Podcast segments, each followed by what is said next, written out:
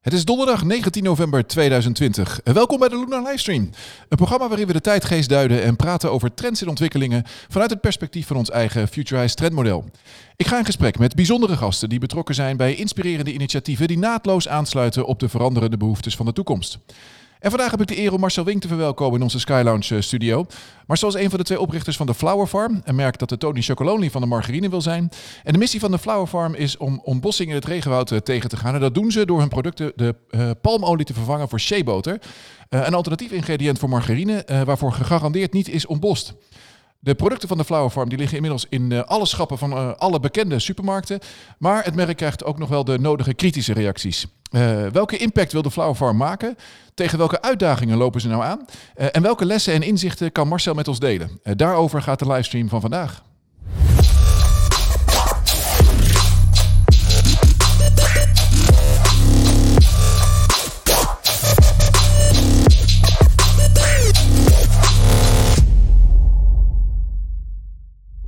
Marcel, van harte welkom. Dankjewel. Ik, uh, ik heb vanochtend wat extra sheeboter in mijn uh, baard gesmeerd, dus ik ben goed voorbereid. Daar kan het niet aan, uh, aan liggen. Leuk dat je er bent. we gaan het over de Flower Farm hebben, de missie van Flower Farm en, en hoe het allemaal gaat. misschien, voor als er nog mensen zijn die, die de Flower Farm nog niet kennen, zou jij eens kunnen vertellen, een palmolievrije margarine met een visie, hoe zit dat precies? Dat is een grote vraag. Ja, ja. Um, hoe zit dat precies? Um, het, het, in essentie komt het erop neer dat er een onrecht is in de wereld wat besproken moet worden. Dat is in dit geval uh, wat palmolie doet uh, in Zuidoost-Azië met het regenwoud. En de Flower Farm is eigenlijk een middel om dat te doen. Uh, als ik het heel kort samenvat, is dat denk ik de essentie van Flower Farm. Ja, want palmolie is niet goed voor de, voor de jungle, voor het regenwoud. Het, de ontbossing, zoals ik uh, net ook in de intro uh, noemde. En door, door dus de, het ingrediënt palmolie te vervangen, wil jij dat tegengaan. Dat is de, eigenlijk de opdracht waarvoor je ook de Farm begonnen bent. Ja, nou ja, het heeft twee aspecten. Het is, de ene kant is het, het het vervangen van palmolie door iets waarvoor niet wordt ontbost. daarmee ontneem je palmolie uit de keten van palmolie. dat heeft een bepaalde impact. Maar wat misschien nog wel veel meer impact heeft, is de discussie die daarover ontstaat. Hè. Uh, uiteindelijk uh, hebben we nu iets van 2,5 miljoen uh, kuipjes verkocht. in Nederland alleen al. En dat betekent dat er heel veel keren het over de tafel gaat, als het ware. En er dus veel over wordt gediscussieerd, hopen wij. Ja. Merken we ook in de, in de, in de pers. dus hiermee agenderen we het issue ook. En dat is bijna net zo belangrijk als dat we proberen palmolie te besparen in de keten mensen een beetje wakker schudden. En het is een uh, plantaardig, het is vegan, uh, nou palmolievrij. Het is uh, zo duurzaam mogelijk gemaakt. En ik ben ook meteen benieuwd, wie kopen dat dan? Hè? Zijn dat de diehard veganisten of is het een veel grotere groep die dat product van jou koopt? Nee, ik denk dat het een grotere groep is. Als je kijkt naar hoe mensen momenteel kijken naar duurzaamheid, dan, dan zijn er heel veel metingen gedaan dat 50% van Nederland is bereid om over te stappen naar een merk dat het beter doet op het gebied van duurzaamheid. Nou, dat is hartstikke leuk dat ze dat zeggen. Dat doen ze dan natuurlijk niet. Um, maar dat doen ze wel onder de voorwaarden. Je komt wat dichterbij, laat ik het zo zeggen. Onder de voorwaarden dat het hetzelfde kost, in hetzelfde distributiekanaal ligt, hetzelfde smaakt, hetzelfde eruit ziet. En dat proberen wij te doen met Flower Farm. Wij, wij, zien er misschien iets anders uit in design, maar we zijn gewoon een margarine. We smaken een margarine, we zijn zelfs lekkerder. We hebben ongeveer dezelfde prijs.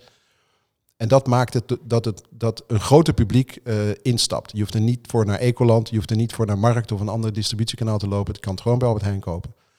Um, is ook onze bedoeling om die massa te pakken natuurlijk. Uh, want we willen dat dit een breed besproken onderwerp wordt. En dat kan je niet alleen maar bij de donkergroene consument. Nee.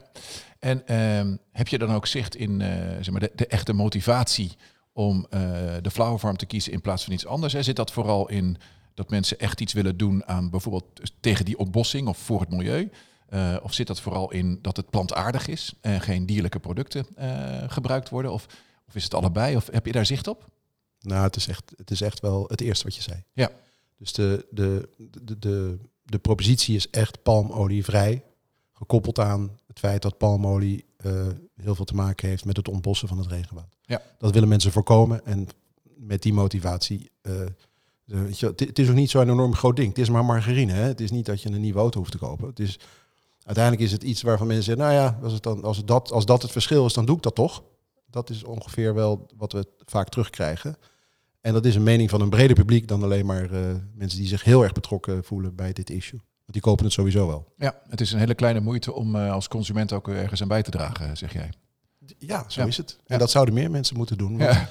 want ja, dat zou ik ook zeggen als ik jou was. Ja. maar uiteindelijk is het natuurlijk ook zo dat, dat als meer merken op, zo'n, op een van de aspecten van duurzaamheid een onderscheid maken en voor de rest uh, het, het, laten we zeggen, toegankelijk maken. Hè? Want heel veel duurzame initiatieven zijn niet zo toegankelijk. Hè, smaak is anders, uh, weet je wel, het bekende ja. Ja. issue wat er rondom dit soort merken leeft. Als we dat oplossen en het gewoon toegankelijk maken voor de massa, dan denk ik dat we met z'n allen veel meer kunnen bereiken dan dat we nu doen. Ja, jij zegt uh, de overstap van vlees naar bijvoorbeeld vegetarisch uh, vlees. Dat zou, er zou een drempel kunnen zijn, omdat misschien de smaak nog net niet zo is. Of de structuur nog net niet het gelijk is. Ik verzin maar wat. Uh, maar hier is eigenlijk geen reden om het niet te doen. Want het smaakt hetzelfde. Of ben jij als het smaakt hetzelfde en het, het kost niet veel meer. Dus Waar, ja, ja, Nou ja, je, je, zegt het juist. Ik denk dat uh, de, de, de, hele veganistische of de, de, zeg maar, het vegetarisch eten, minder vlees. Uh, dan heb je het over de vegetarische slager bijvoorbeeld. Die ja. doet dat natuurlijk hartstikke goed. Ja. En, en uh, ze hebben ook denk ik de keuze gemaakt om met een grote partij samen te werken, omdat ze het nog groter naar de massa willen brengen. Maar een van de issues die ik nog wel zie, is dat het, ik vind het nog best wel ontoegankelijk. Het ziet er heel, het ziet er heel marketing uit. Heel veel verpakking en heel veel prijs. Zit er, er bijna een premium van soms wel 100% op normaal vlees. Ik denk dat ze daar wel, uh, laten we zeggen, daar nog wel wat werk aan de winkel hebben om het gewoon op al die andere aspecten gelijk te krijgen. Want dan pak je die massa. En nu is het toch nog steeds een hele bewuste keuze om, uh, laten we zeggen, een vegetarisch alternatief te kopen. Dat kan beter, denk ik. Ja. Ik, op zich past het heel mooi bij de tijdgeest. Hè. We zien dat ja, men, mensen worden wat onzekerder naar de toekomst toe. En dan, dan, merk je eigenlijk een van de veranderingen die je dan ziet, is dat mensen steeds weer de behoefte krijgen om uh, nuttig bezig te zijn, om ergens iets bij te dragen. Nou, dat kan in dit geval. Weinig moeite om iets goeds uh, te doen. Ik vroeg me af, hoe zit het aan, aan de andere kant? Hè? Is, is uh, palmolievrije margarine maken, kost dat meer moeite dan gewone margarine maken? Is dat nee. duurder om te maken? Nee. Ja, duurder wel. Duurder maar het kost niet meer moeite. Nee. Alleen het is duurder omdat het ingrediënt dat wij gebruiken ter vervanging van palm, uh, ongeveer negen keer zo duur is als dat palm is. Dus er zit een, een fundamenteel uh, onderdeel van die kostprijs, wordt dan op een gegeven moment uh, de vervanging van palm. Ja. Dat is ook overigens de reden waarom zo weinig merken overstappen naar alternatieven voor palm. Omdat die alternatieven eigenlijk allemaal of er niet zijn, of veel duurder zijn, of voorkomen worden om te maken, omdat de palmolie-industrie natuurlijk er alles aan doet om die palmolie-industrie in stand te houden. Ja. Um, dus er wordt heel weinig naar alternatieven gezocht. En als ze er zijn, dan zijn ze duurder, zoals die van ons. Ja, ja op zich wel grappig. Want ik, ik heb even bij het uh, voorbereiden van het gesprek ook even gewoon in de tijd en in de nou, relatief korte historie van de, de palm uh, boter of margarine verdiept. En uh, toen jullie uh, vorig jaar op de markt kwamen, toen, uh, toen waren jullie vriendelijker geprijsd, laat ik het zeggen, dan, dan andere duurzame boters. Toen ik van de week in de supermarkt ging kijken, zag ik dat het prijsverschil niet zo groot meer is. dat is nagenoeg gelijk. heb jij iets aan, dat, aan die prijsstrategie veranderd? Of, Nee, dat hebben wij niet gedaan, dat hebben de supermarkten gedaan. Oké. Okay. Ja. Het is zo dat wij, uh, kijk, een van de, wat ik je net zei, we, we, hebben dezelfde prijs, we hebben dezelfde verpakking, we hebben dezelfde smaak, et cetera. We zitten in hetzelfde distributiekanaal. Dus onze, onze referentie was, uh, ik mag gewoon merken noemen toch, uh, BCL bijvoorbeeld ja. of Blueband. Weet je, het mag niet duurder zijn dan dat. Uh, dat waren we ook niet. we zijn nu ietsje duurder, volgens mij iets van 8 cent of 7 cent duurder of gelijk aan. ik denk dat het ongeveer bij Albert Heijn gelijk aan is momenteel. Maar ik zit er zelf liever onder. Maar goed, dat hebben we niet helemaal dat, in de hand. Nee, dat laatste stuk heb je niet in de hand. Hè? En, en uh, nou, dan gaan we stoppen met de euro's. Maar even zakelijk, want ik ben benieuwd. Uh, je strijd uh, tegen ontbossing.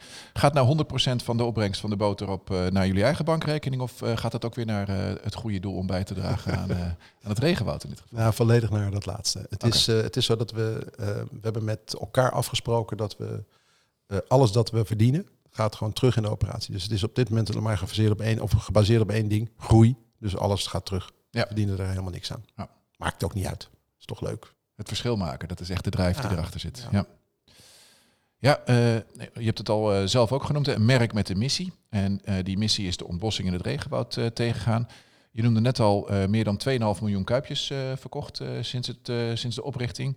Wat gelijk staat aan, ja, ik denk tussen de 80 en de 100.000 kilo besparing aan palmolie. Uh, wat is nou jouw doelstelling voor de komende jaren? Eh, moet, dat, moet dat naar tien keer zoveel, naar honderd keer zoveel? Moet dat de hele wereld over? Of eh, kun je daar Ja. iets over vertellen hoe je dat ziet? Nou ja, 100 keer zoveel zou heel fijn zijn. Maar als we realistisch zijn, willen wij vol- volgend jaar absoluut verdubbelen. Ehm, en dan heb ik het niet zozeer over alleen maar de afzet van margarine. Ehm, ja, nou ja, voor een groot deel zal dat margarine zijn, maar ook in, in laten we zeggen, andere kanalen, zoals eh, het hotelkanaal bijvoorbeeld. Je kan je voorstellen dat die kleine verpakkingjes daar het heel goed doen. Ja. Maar ook het buitenland bijvoorbeeld, eh, daar zijn we mee bezig. Eh, we zijn ook bezig met andere categorieën binnen food. Want er wordt eigenlijk overal, of in heel veel producten, wordt zag het, ja. palmolie gebruikt. Dus we hebben nog wel wat, eh, wat, zeg, wat, wat, wat, producten af te grazen, als het ware. En we willen gewoon verdubbelen. Dus als je het nu hebt over, laten we zeggen, zo'n 250.000 eh, vierkante meter palmolie dat we nu kunnen besparen, als het ware. Of dat we niet hoeven te gebruiken, willen we volgend jaar naar 500.000 en naar, naar een miljoen. Ja, gewoon echt zo de, uh, dus eruit halen wat erin zit. Zo groot mogelijk groeien. Zo groot mogelijk groeien. En eh, ja, dan even een soort van de, de andere kant. Want ja, 80 of, eh, of 100 ton palmolie besparen is natuurlijk prachtig. Eh, en dat, dat is een effect. Eh, maar ik heb ook eens even zitten kijken hoe de jaarlijkse wereldpalmolieproductie in elkaar zit. En dan schrik je een hoedje als als het inderdaad ook zo slecht is voor het, eh, voor het regenwoud. En dan is die eh 80 of 100 ton maar een druppel op de, groei- op de gloeiende plaat. Hoe zie jij dat? Eh, zeg maar, je, je, doet, je, je stopt je, het is je levenswerk op dit moment. Je stopt daar veel energie eh, in. Je wilt er iets moois van maken, maar eh, in verhouding eh, is het nog maar beperkt. Ja, dat- als je het hebt over eh, het aantal kilo's dat we kunnen besparen, heb je daar volledig gelijk in. Maar ik denk dat het andere effect waar ik het net over had, dat er over wordt gesproken, dat we een impactmerk eigenlijk zijn, dat, dat, dat ook de discussie enigszins kan aanvoeren over palmolie en het voorkomen van, die, van zeg maar, de negatieve effecten. Dat juist die discussie net zo belangrijk is. En eh, wat toch wel rondom ons merk, of wat je langzaam ziet, is dat de zeg maar, dat mensen er anders over gaan denken. En dat is goed. Ehm, en dat waarschijnlijk zeg maar, de industrie ook eh, meegaat met dat gedachtegoed. En eh, je, denk ik, goed voorbeeld doet goed volgen, hoop ik dan maar. En dan, eh, dan denk ik dat we een groter effect gaan halen. Ja, en mooi dat je die tweede kant erbij pakt. We zitten hier natuurlijk ook al erover te praten. Dus het gesprek gaat erover. Dat Ja. brengt misschien mensen in een bredere zin in beweging, zeg jij. Ja, we zien ook dat de maatschappij zeg maar, er steeds meer eist. Mensen eisen steeds meer verantwoordelijkheid van, van organisaties, van merken en sociale, maatschappelijke eh, verantwoordelijkheid. Eh, de publieke opinie is kritisch en de toon gaat eh, de komende jaren alleen maar kritischer en misschien ook wel emotioneler eh, worden. En volgens mij is interessant dan de vraag van eh, wanneer eh, je als merk het eh, goed doet. En moet je alles 100% goed doen? Eh, of helpen alle kleine beetjes. Hè? Als iedereen een klein beetje bijdraagt, scheelt het al eh, een heel eind. Hoe kijk jij daarnaar? Ehm, nou, kijk, eh, die vraag wordt wel vaker gesteld. Hè, want je zit in een plastic kuipje en je, doe je daar een plastic soep en dat soort discussies. Ehm, kijk, ik denk dat je maar één ding heel goed kan doen. En we hebben maar één, je kan maar één missie hebben. Hè? En onze missie is palmolie bevechten tegen dat hele nare effect daarvan, ontbossing. En ehm, dat is onze missie. Eh, en er zijn andere merken die weer andere missies hebben. Die gaan weer over eh, CO2-issues. Oatly is zo'n prachtig merk wat daarover gaat. Eh, de ander gaat weer over zeg maar, kinder, noem je dat, arbeid. Hè? Tony's die daar Ja. weer groot in is. Dus ieder mag zijn eigen missie pakken. Dat is, dat is natuurlijk prima. Ik denk niet dat je twee of drie missies kunt volgen. Dat is gewoon te veel. Dan ben je niet gefocust. En dan denk ik denk dat het effect gewoon minder is. Er zijn hele grote bedrijven die natuurlijk wel zo gebalanceerd dat kunnen doen. Hè. Als je kijkt naar bedrijven als Unilever of Heineken of dat soort eh, hele grote clubs, die, die, die zijn veel gebalanceerder in hun duurzaamheidsbeleid. Die kiezen gewoon vele aspecten. Hè. Unilever toevallig net iets gelanceerd over de wijze waarop zij met voeding omgaan de komende jaren. Nou, dat is een, dat is een gebalanceerd pakket. Dat gaat, dat gaat aan de ene kant gaat het over kwaliteit van eten en, en andere, dus dat mensen minder vet eten, minder, minder slecht eten, zeg maar. En aan de andere kant gaat het over de wijze waarop het gesourced wordt. Dus die kunnen dat allebei. Maar ik, eh, ik denk dat heel veel kleinere merken dat gewoon eh, A, niet kunnen. En, en omdat het gewoon te veel is. En, en, en ik denk ook, eh, dat is misschien wel een ander aspect daarvan, is dat als ik één issue heel goed aanpak, dat ik daarmee ook door die bubbels heen kan komen waar mensen op dit moment in zitten. Weet je, wel. Eh, je moet toch ergens flink aankloppen om, eh, om gewoon door te komen. Ja. En dan kom ik liever met, dit, met één ding goed door, dat ik, eh, dan dat ik gebalanceerd eh, ben en nergens doorkom. En is het dan eh, belangrijk dat eh, zeg maar, je doet één ding heel erg goed, je hebt één duidelijke missie, dat die dingen die dan misschien niet per se net zo goed zijn, laat ik het dan zo eh, zeggen, bijvoorbeeld dat je product wel in plastic verpakt eh, moet worden, eh, is het dan heel belangrijk om daar dan vooral zo transparant mogelijk mee om te zijn, of bijna kwetsbaar in te zijn? Gewoon eerlijk zeggen, ja. Nou, Nou ja, eerlijk. Ja. Ik, krijg die vraag natuurlijk regelmatig. Ik heb heel veel consumenten die mij, consumenten, gebruikers, vrienden, fans, Fans. maar die, die mensen die dus schrijven of bellen. En, en, en ook kritisch zijn. Zeggen, ja, maar weet je wel, eh, kan je niet een grotere verpakking of kan je niet een kartonnen verpakking? Zeg, Dan zeg ik, ja, ik kan dat wel, maar ik doe het niet. Omdat het gewoon, daardoor wordt het product veel te duur. Dan wilt u het niet meer kopen. Of er zijn allerlei andere redenen waarom het niet kan. Eh, de voedsel, voedselveiligheid met karton dat, en vet, dat gaat niet samen. Nou, Mhm. er zijn allerlei issues. Eh, als ik het kan, doe ik het. Maar als het heel erg moeilijk wordt, dan, dan richt ik toch eh, liever, eh, laten we zeggen, mijn pijlen op het issue waar ik me echt mee bezig wil houden. Ja, ik zag op, op de website ook de- bij de FAQ's ook gewoon, voordat ik de vraag zelf kon bedenken, eigenlijk al hoe zijn jullie producten verpakt en moet dat niet anders? En dan geef je al antwoord. Dus gewoon ook bijna proactief vertellen Ja. hoe de totale, hoe het totale merk in elkaar zit, zeg maar. Ja, strijd tegen ontbossing, maar misschien ook wel een soort van eh, strijd tegen eh, de margarinemerken. Eh, twee strijd, eh, strijden, strijds, wat is- het? Eh, in één.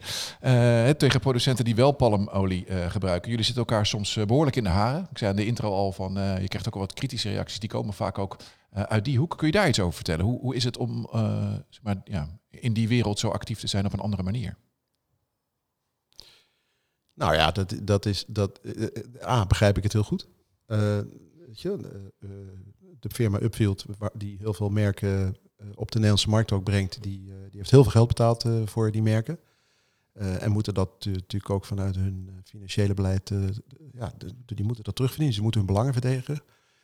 De industrie is heel groot, hè. er gaat iets van 60 of 70 miljard dollar in rond. Dan heb ik het even over de palmolie-industrie zelf. Ja, die hebben ook belangen. Dus de, er zijn allerlei mensen die daar natuurlijk in werken en, en die, die dat belang willen, willen, willen verdedigen. Dus, en als er dan zo'n zo'n klein manneke komt en die dan zegt, joe, er is wat aan de hand in deze markt, kan ik me voorstellen dat ze zeggen, die gaan we eens even eruit werken. Ehm, en dat hebben ze ook geprobeerd. Ehm, ja, ik vind, ik vind het niet fijn. Ik, vind, ik vond het ook niet heel erg, eh, laten we zeggen, eerlijk en oprecht hoe ze dat eh, deden. Maar ja, van de andere kant, eh so be it. Weet je, uiteindelijk, als je het dan hebt over de merken waar we het net over hadden, Tony's is ook behoorlijk tegengewerkt in het begin. Vegetarische slager heeft volgens mij nog steeds rechtszaken lopen vanuit de, die natuurlijk aangestuurd worden vanuit een lobby die liever wil dat ze er niet zijn. Eh, meneer Musk had het ook niet makkelijk in het begin met zijn auto eh, ten opzichte van de lobby die zei, nou ja, laten we maar lekker gewoon op benzine blijven rijden. Je Ja, staat wat dat betreft het, hoort er gewoon bij. Ja, ik hoor bij. en dan helemaal onderaan. In een heel klein landje, wat dan Nederland heet, is een heel klein merkje dat wat met hetzelfde issue te maken heeft, maar natuurlijk van een hele andere orde. Maar goed, het, het, ik heb het wel. Ik we hebben ze wel natuurlijk op bezoek gehad op allerlei manieren. Ja, ik las ook dat eh, al eh, redelijk snel nadat jullie lanceerden, de Stichting Reclamecode eh, jullie ja, heeft opgelegd om de verpakkingen en de reclame aan te passen, omdat de European Palm Oil, Alliance had geklaagd over de claim dat palmolie en dus ook margarine met palmolie tot ontbossing leidt. Want die claim zou ja, ongenuanceerd, zelfs misleidend zijn. Eh, want zo stelt die eh, Stichting Reclamecode, Jullie marge, eh, margarineconcurrenten die gebruiken alleen maar duurzame gecertificeerde palmolie. En dus leidt dat niet tot ontbossing. Maar bij het zoeken kwam ik ook meteen een uitgebreid artikel tegen van in dit geval Follow the Money. Waarin bijvoorbeeld staat uitgelegd dat die certificering eh, op zich niet per se 100% garantie op eh, duurzaamheid geeft. Want eh, dus, er zou worden, je zou als producent van palmolie al een certificering kunnen krijgen als je één plantage hebt die aan de, aan de standaard, aan de certificeringsstandaarden voldoet.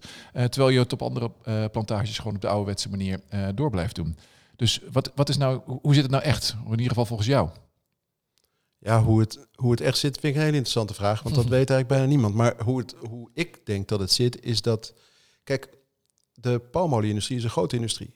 Ehm, eh, daar zijn initiatieven ingenomen om dat duurzaam te produceren. Omdat die vraag die werd zo groot, daar is iets, eh, daar is iets uit ontstaan. En, maar dat is georganiseerd door de palmolie-industrie zelf. Eh, dat heeft een beperkt effect gehad. Dat is op dit moment is dat maar iets van 18% of 19% van de totale productie wordt gecertificeerd. Dat klinkt natuurlijk heel mooi en dat vind ik ook fantastisch dat, dat, dat mensen daarmee bezig zijn. Maar dat betekent wel dat die andere 80% van die grote industrie gewoon direct uh, is gerelateerd aan het afbranden van regenwoud. Ook vandaag, uh, ook terwijl wij praten, uh, gebeurt dat. Um, dat initiatief, wat dus maar voor een heel klein deel van die markt geldt, ook dat initiatief is niet zo waterdicht. Hè? Daar, daar, daarvan zeg je zelf ook, een van die dingen van als je dan één plantage hebt die eraan voldoet, dan voldoet ook alles. Nou, dat zijn een van de kritieke punten die erop wordt gegeven. Er zijn heel veel kritiekpunten. ook dat bepaalde bosgebieden die dan eerst laten we zeggen, uh, genomineerd waren om te blijven bestaan zijn, dan in één keer hebben dan een andere klassificatie gekregen, waardoor het wel mag worden afgebrand. Uh, er zijn allerlei belangen die daar een rol spelen, waar ook zeg maar zelfs de overheden daar, uh, laten we zeggen, niet altijd volgens onze normen en waarden acteren, laat ik het zo maar zeggen. En ja, dat, dat, dat maakt het gewoon ingewikkeld. dat maakt het ook voor die lui hier in Nederland, die die RSPO en EPOA en al die hele lobbykant moeten gaan vertegenwoordigen maakt het ook voor hen ingewikkeld. Want ja, die mensen hebben ook maar een baan. En, en die, weet je, die hebben ook zoiets van, ik wil dat die, hun doel is dat die industrie in stand blijft. En dat er niet te veel negatief uh, over wordt gesproken. En ik geloof ook best wel dat er een aantal mensen zijn die dat vanuit hun hart goed proberen te doen. Alleen het is dweilen met de kraan open. uiteindelijk is het zo dat je kan wel proberen duurzaam palmolie te produceren. Mijn vraag alleen is iedere keer aan die mensen, als je dat dan nou zo graag wil, waarom is dan in de afgelopen 20 jaar 80% van het regenwoud verwoest? daar komt geen antwoord op, omdat het gewoon wel is gebeurd en nog steeds gebeurt. Waarvan ik ook alweer last dat er mensen zijn die zeggen, ja, dit, dat, klopt wel, dat het regenwoud zo verwoest uh, is en wordt. Maar uh, dus maar beperkt uh, de invloed van de palmolie-industrie. Dat gaat veel breder dan dat. Dus ik, ik, ik zat me ook af te vragen van, ik snap die, die bijna positieve strijd vanuit het merk en de producten verkopen aan consumenten, de plekken in de supermarkt en de, de plekken in het nieuws over eigenlijk bewustwording creëren van weet wat je koopt uh, en weet wat de impact is of de negatieve impact is van producten die je aanschaft als, uh, als consument. Maar zou je in het kader van uh, zeg maar, misschien minder voor de hand liggende samenwerking en die lobby niet zozeer binnen de palmolie, maar een meer een soort van actief beleid of samenwerking moeten zoeken met bijvoorbeeld een Tonis die zich op een ander vlak inzet voor dingen die niet kloppen. En zo kan ik nog wat merken of producenten verzinnen dat je daarin optrekt om het wat breder te trekken van uh, er zijn op een aantal vlakken dingen gewoon niet georganiseerd of niet goed georganiseerd of niet transparant of zijn niet, misschien niet eerlijk genoeg. En dat willen we duidelijk maken. Ja, maar dat is denk ik niet de taak van ons als individuele merken. Ik denk dat wij ieder ons eigen doel kiezen en dat goed, zo goed mogelijk proberen te doen. Mm -hmm. uh, ik denk dat overheden, of uh, groter misschien zelfs wel dan dat, of zeg maar de industrie die daar boven hangt, dat dat soort, dat soort laten we zeggen, entiteiten uh, veel beter daar overheen kunnen gaan dan dat wij dat doen. Want er, er, is natuurlijk ontzettend veel onrecht. Maar ja, weet je, er is zoveel onrecht gaande. Uh, of je het nou hebt over mensenrechten of over plastic soep ja. of over CO2 of stikstof of boeren die het dan weer niet daarmee eens zijn of wel of hoe dan ook. Het is zo gecompliceerd.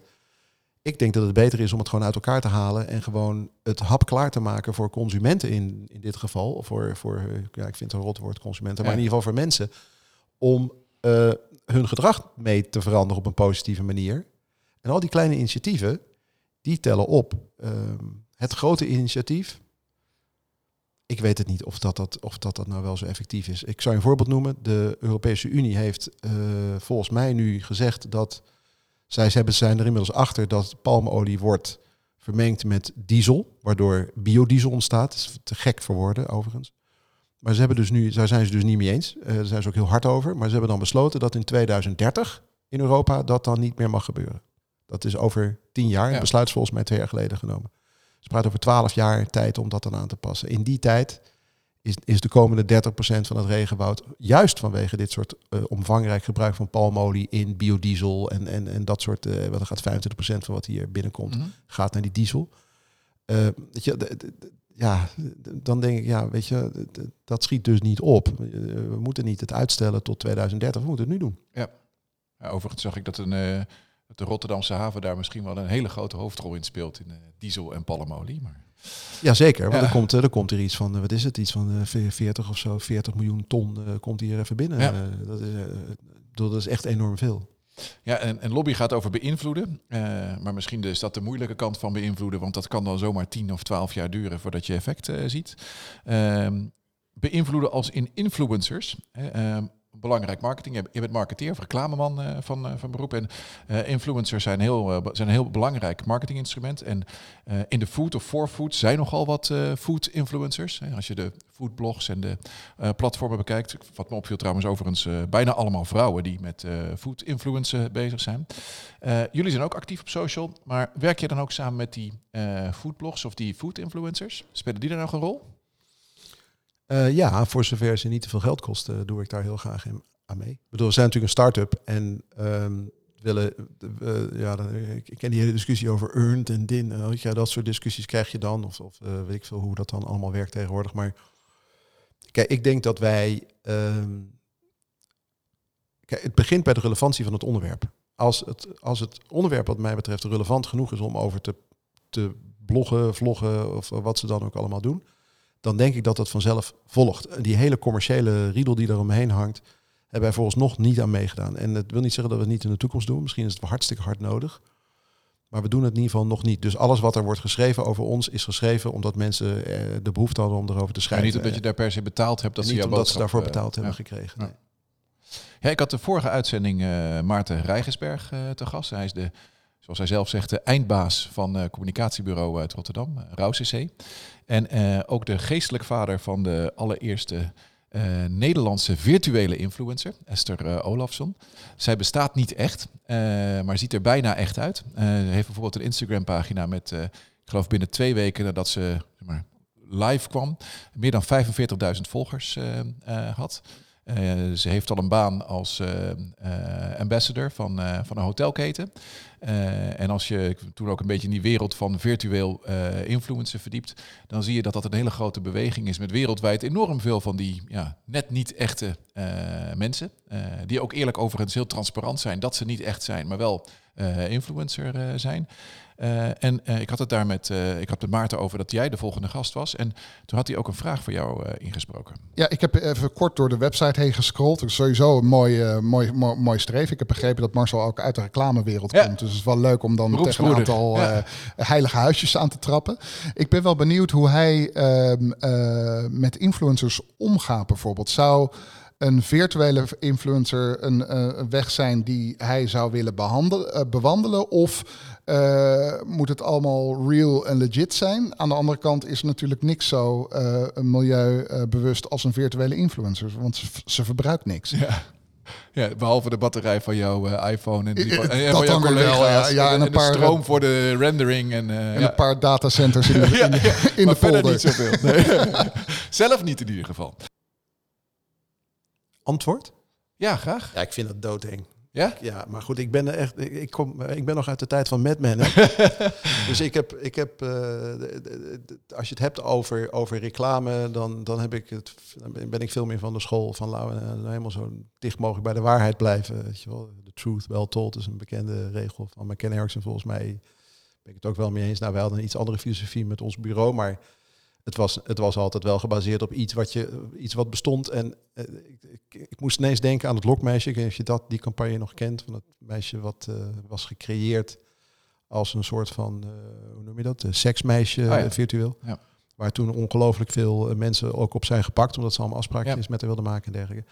Ja, weet je, ik vind voor dat doel vind ik, het, vind ik het prima. Omdat je daarmee eigenlijk natuurlijk gewoon op een hele slimme manier het principe rondom uh, social gebruikt. Ik vind dit vind ik anders. Ik heb daar gewoon ik zou het persoonlijk nooit, nooit doen eigenlijk, omdat ik het gewoon niet snap. Misschien ook wel. Ja, want het is wel echt. Hè? Het is uh, in de zin van dat ze heel eerlijk zijn, dat ze niet echt zijn. Dus het is, het is wel waar.